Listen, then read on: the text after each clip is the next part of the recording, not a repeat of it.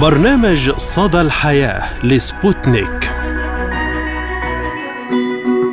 مرحبا بكم مستمعينا الكرام في حلقة جديدة من برنامج صدى الحياة. نقدمه لكم اليوم من استديوهاتنا في موسكو. أنا فرح قادري. وأنا عماد الطفيلي. نتحدث اليوم عن مستقبل المدن الذكية في العالم العربي ولماذا نحن بحاجة لمثل هذه المدن؟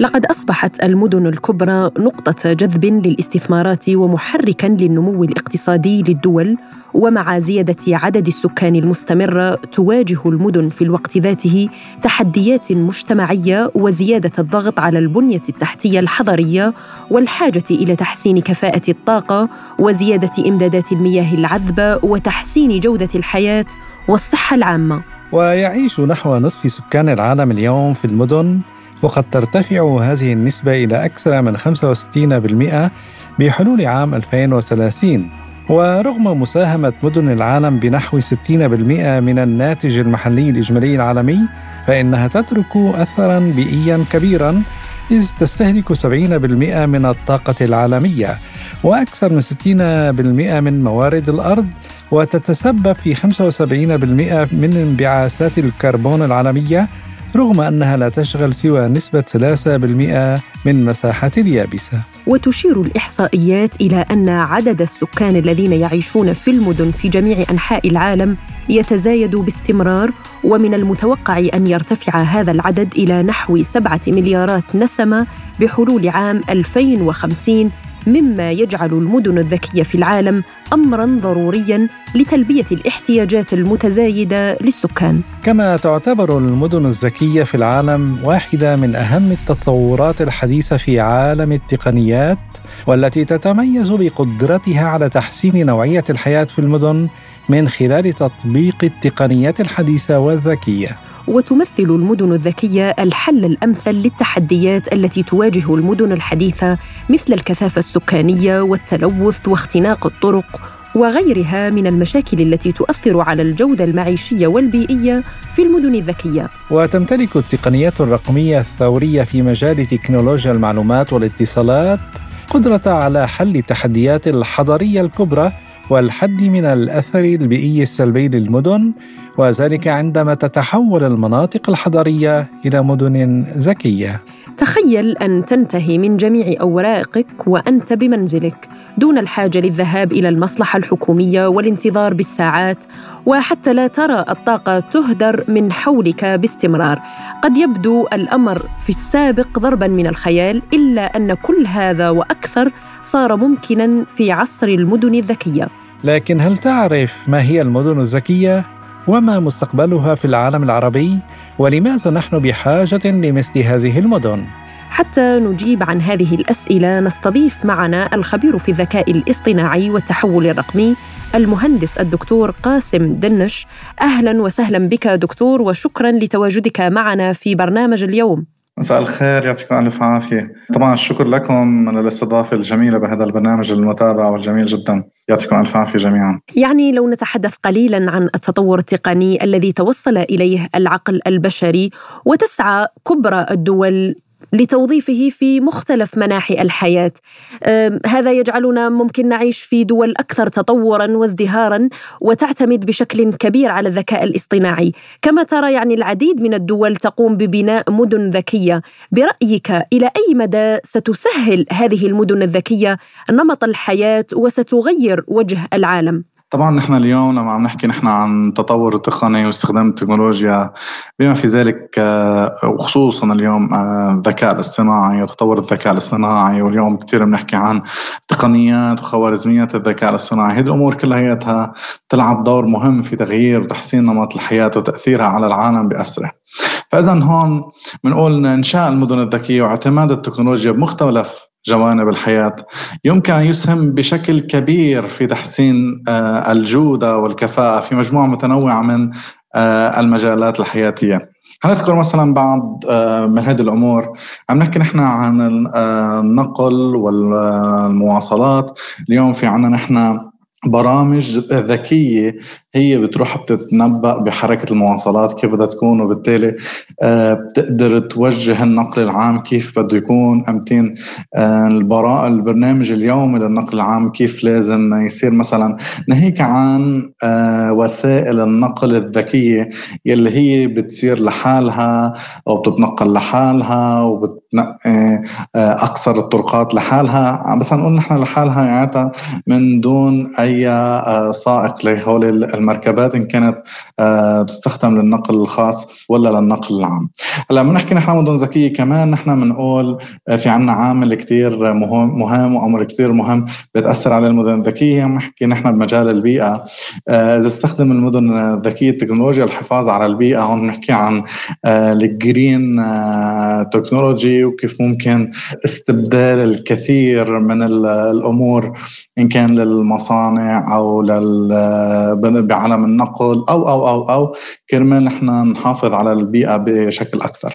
كمان الأمر اللي كثير مهم بالمدن الذكية عندما نتكلم عن آه، الأمان من هون نحن بنلاقي عندنا كثير من الأنظمة اللي بتعتمد على تكنولوجيا آه، الذكاء الصناعي من أجل تطوير أنظمة المراقبة وتحليل البيانات الوقاية من الجريمة والكوارث وإن حدثت آه، لأجل الكشف السريع جدا عن آه، مرتكب أي جريمة. كمان نحن بنحكي بس نقول نحن عن المدن الذكية عم نقول عن الخدمات العامة هي بتتحسن وبصير أداء أحسن يعني عم نحكي نحن بتبلش الأمور من آه، حاويات القمامة يلي هي بتكون هي connected بتكون هي موصولة على شبكة الإنترنت وهي بتاخد قرار هي اللي عندها بياخد يتاخد ال decision إن هي تتواصل مثلا مع البلدية آه، المعنية كرمال إذا هي تلت امتلأت أو أو لا. وهي بتصير اي بيانات أي ساعة مثلا هي ممكن إنه هي آه، تمتلئ وأي ساعة عم بيصير في أكثر آه، ناس عم بتكب فيها كمامه يعني تشوف هون من أدق الأمور عم نحكي عن مستوعب الكمامه لا الأمور المتعلقة بأدق تفاصيل آه، حياتنا مثل الإنارة على الطرقات كيف بتضوي لحالها كيف تطفي لما يطلع النهار. حتى إذا كان كنا نحن بالنهار بس كان في عنا نسبة غبار مثلا عالية جدا أو رياح آه، عم تأثر على الإنارة الطرقات لحالهم بدوروا مش ضروري آه، تكون متعلقة بالوقت لا هي عم تكون ذكية كفاية كرمال. هي تنير الطريق وحتى بوقت بالنهار. فاذا نحن عم نحكي عن أمور متعلقة بادق تفاصيل حياتنا وهي بتاخذ القرار تلقائيا لحالها. والشيء الملفت جدا إنه هي ممكن تكون آه كمان أداة لتجميع البيانات. مثل ما عم نحكي نحن عن الإنارة آه بتجمع البيانات. لما عم نقول نحن آه، نسبة الإضاءة مثلا بالنهار كيف عم تتغير؟ نسبة الغبار قد يكون؟ نفس الشيء نحن حكينا عن الكمامة إلى آخره. المدن الذكية والذكاء الاصطناعي هل اليوم نحن أمام عالم يتخلى كليا عن الطبيعة والإنسان ويلجأ للروبوتات والصناعات الذكية؟ وهل للمدن الذكية القدرة في تخفيف الاختلال المناخي والاحتباس الحراري؟ هذا سؤال دائما شائع إنه نحن اليوم لما نحكي عن مدن ذكية وذكاء اصطناعي قديش رح آه، يكون بهذا العالم باقي أمور من الطبيعة آه، ومن الطبيعة الإنسانية هي اللي تكون عم تتحرك. بطبيعة بطبيعة الأمر آه إنه ليس من الممكن يتخلى العالم كليا عن الطبيعة والإنسان وهذا مفروغ منه. ولكن يعتمد بشكل كامل على التكنولوجيا والذكاء الاصطناعي. ممكن آه إلى حد ما. ولكن دائما بحاجة إلى الإنسان أقله آه يعني بس هذا بالمخيل القريب جدا. أقله لتدريب الخوارزميات التابعة لتقنيات الذكاء الاصطناعي على اتخاذ قراراتها. يعني اليوم نحن نسأل سؤال مثلا إنه هل رح يجي يوم من الأيام آه نستعيد فيه عن الاطباء نقول إلى حد ما نعم لأنه في عنا تقنيات ذكاء الاصطناعي رح تروح هي نحن ندخلها البيانات عن المريض وهي رح تعطينا احتمال المرض أو تتوقع لنا شو المرض يلي ممكن يكون وبالتالي رح نستعيد قد يكون عن الحكيم أو الطبيب. ولكن آه السؤال من اللي هو حيدرب؟ من الذي سيدرب هذه آه التقنيات آه وهذه الخوارزميات للذكاء الاصطناعي؟ نحن بنقول عنا نحن دائما دومين اكسبرت يعني خبير في المجال. فلما نقول نحن هون خبير في المجال معناتها نحن عم نحكي عن آه، طبيب. فممكن كثير من المهن هي حيبطل فيها العلاقة المباشرة مع الشخص المعني يعني الزبون آه، المريض العميل أو أو أو حسب طبيعة المهنة. ولكن هيدي المهنة حتكون إذا بدكم من خلف الستار من خلف الستار يعني على جهاز كمبيوتر من أجل تدريب هذه التقنيات وهذه الخوارزمية. هلا لما نحكي نحكي عن التغيير المناخي والاحتباس الاحتباس الحراري آه، من طبيعي جدا يمكن للمدن الذكية أن تساهم في تخفيف الأثر البيئي. قلنا نحن من شوي أنه نحن بنسعى من خلال المدن الذكية أن نتكلم عن آه، الجرين آه، تكنولوجي ونحاول نحن نأمن البيئة الخضراء والتكنولوجيا الخضراء من خلال هذه الأنظمة وهذه الآلات اللي هي تصير تشتغل على حالها وبالتالي بتكون استخدام التكنولوجيا توفير أنظمة طاقة نظيفة وفعالة وإدارة مستدامة لكل الموارد. وبطبيعة الحال يمكن تحسين النقل الأشخاص والوضائع مثل ما ذكرنا من شوي بشكل أكثر فعالية وكذلك تعزيز الزراعة الحضرية وتحسين جودة الهواء والمياه. لأننا هون عم نقول عن آلات تستخدم آه، تقنيات الذكاء الاصطناعي. معناتها نحن عم نحكي عن أمر جدا مهم. عم نحكي بتكلفة وقت آه، أقل بكثير من آه، الأمور المعتادة. كرمال هيك نحن عم نقول أنه ممكن تتعزز هذه الأهداف. ولا هذه الأهداف ممكن هي تكون من دون مدن ذكية ولكن مع وجود مدن ذكية ومع وجود هذه التقنيات الذكية بطبيعة العمل بطبيعة الحال حيكون العمل أكثر مهارة وأقل وقت ويحقق هذا الهدف المرجو. يعني بالنسبة للتطبيقات التقنية والذكاء الاصطناعي والحواسيب برأيك لماذا نحن اليوم بحاجة لبناء مثل هذه المدن الذكية؟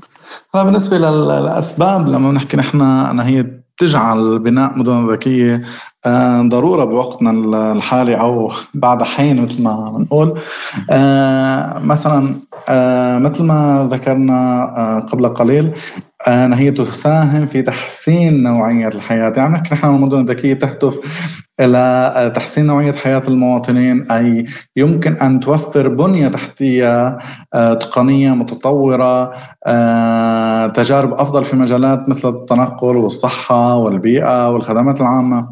إضافة إلى ذلك عندما نتحدث عن الأسباب التي تجعل من المدن الذكية آه، ضرورة في وقتنا الحالي عم نحكي نحن عن الاستدامة البيئية مثل ما ذكرنا من شوي عم نحكي عن تحسين الإدارة الحضرية إذ تساعد التكنولوجيا في تحسين آه، إدارة هذا المدن والخدمات الحضرية. وبطبيعة الحال هنا آه، يمكن القول بأن آه، للذكاء الاصطناعي والبيانات الضخمة مساعدة الحكومات في اتخاذ قرارات أفضل وتوجيه الاستثمارات بفعالية لأن قلنا قبل قليل أن كل كل شيء في المدن الذكية هو موصول على الإنترنت وهو بحد ذاته أداة لتجميع البيانات. وبالتالي لدينا في المدن الذكية بطبيعة الحال داتا آه، بيانات ضخمة جدا جدا. وبالتالي إذا ما حللنا هذه البيانات يمكننا اتخاذ قرارات أفضل وتوجيه للاستثمارات بفعالية أكثر بكثير.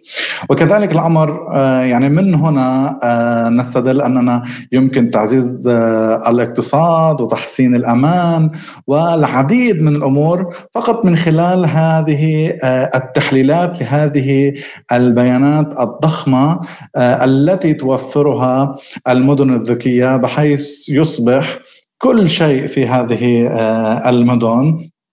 آه ليس فقط ذكيا وليس بحد آه فقط آه كل شيء بحد ذاته ذاتي التحكم لا ولكن لأنه أداة لتجميع البيانات يمكننا تحليلها واتخاذ والتوقع حالات في المستقبل. المملكة العربية السعودية من الدول العربية التي بدأت ببناء مدن ذكية ولها رؤية خاصة للمملكة بأن تكون دولة أكثر تطورا وازدهارا.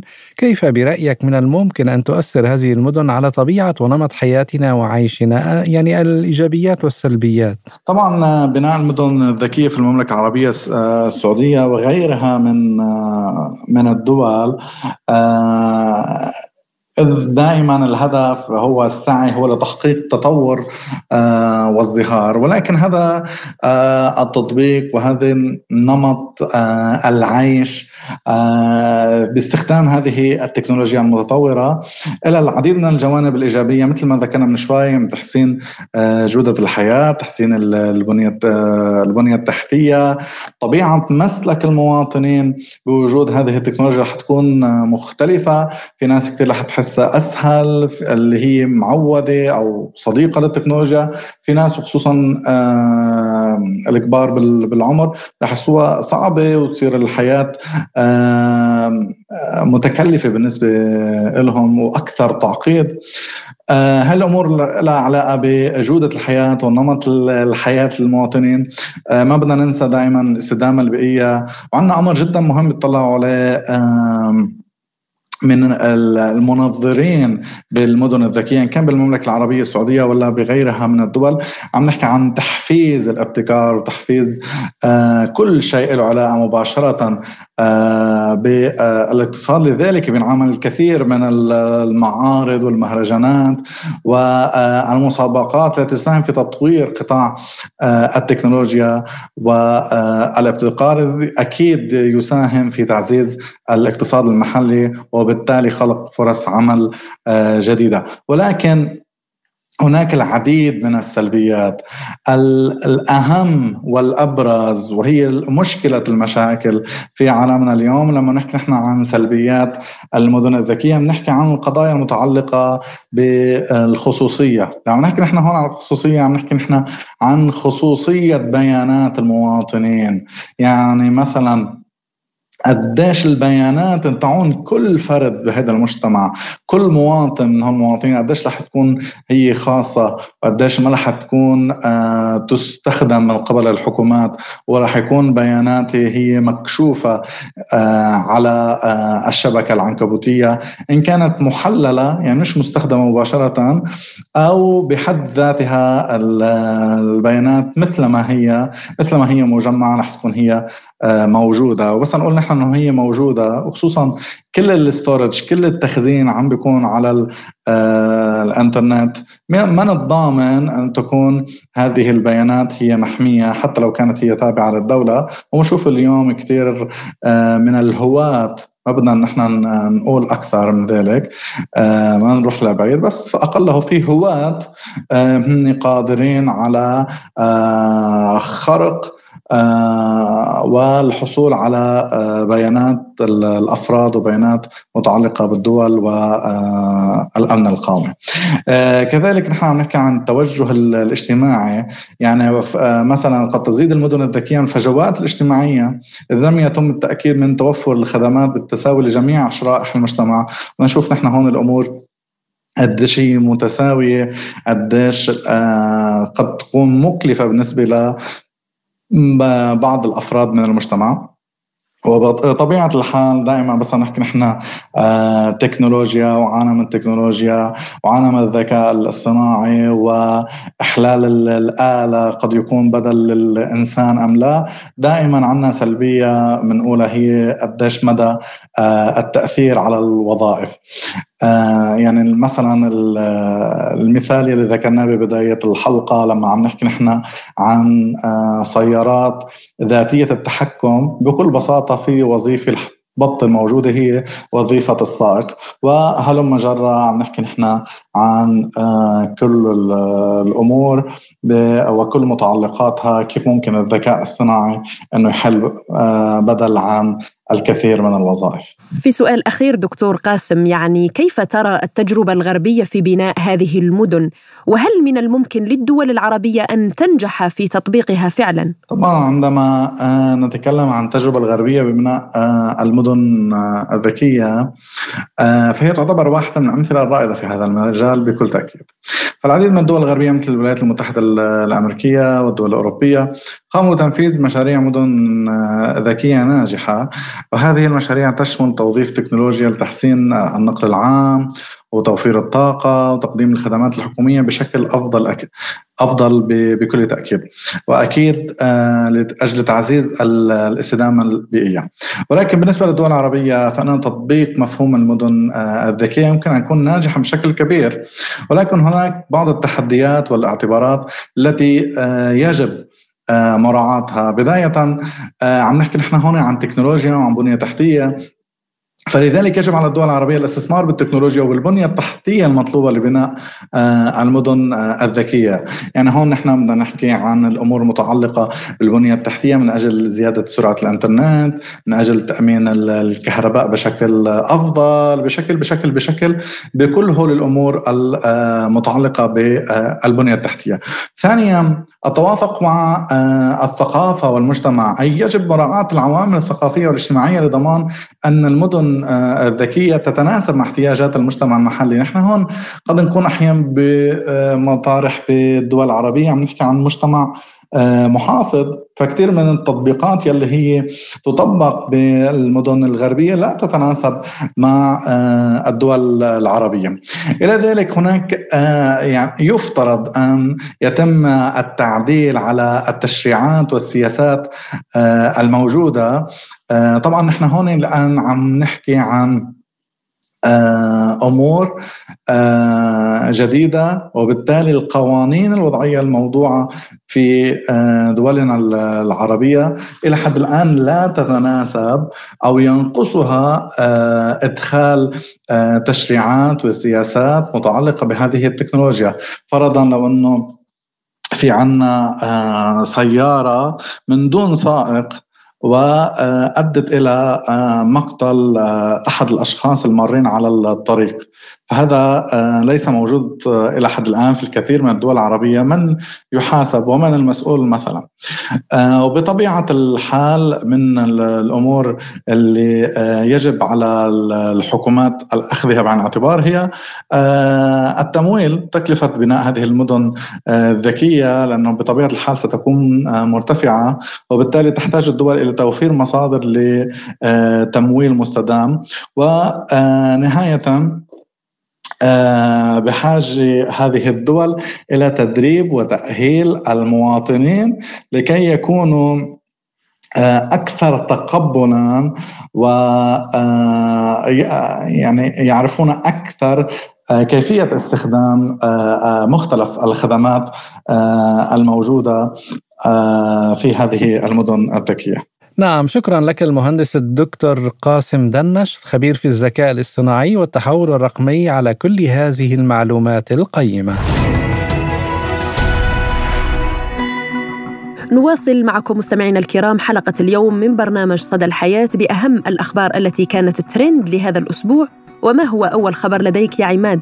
نعم ضجت مواقع التواصل الاجتماعي بمقاطع متداولة من مقابلة الكوميدي المصري باسم يوسف مع البيرس مورغان حيث تناولت من جديد تطورات القضية الفلسطينية في حديث مباشر وأشعل يوسف جدلا كبيرا برده المفحم كما وصفه رواد الإنترنت على سؤال مورغان حول أسباب عدم استقبال مصر للفلسطينيين وقال باسم يوسف هذا ما تريده إسرائيل بالضبط وهذا ما سيشعل الحرب العالمية الثالثة.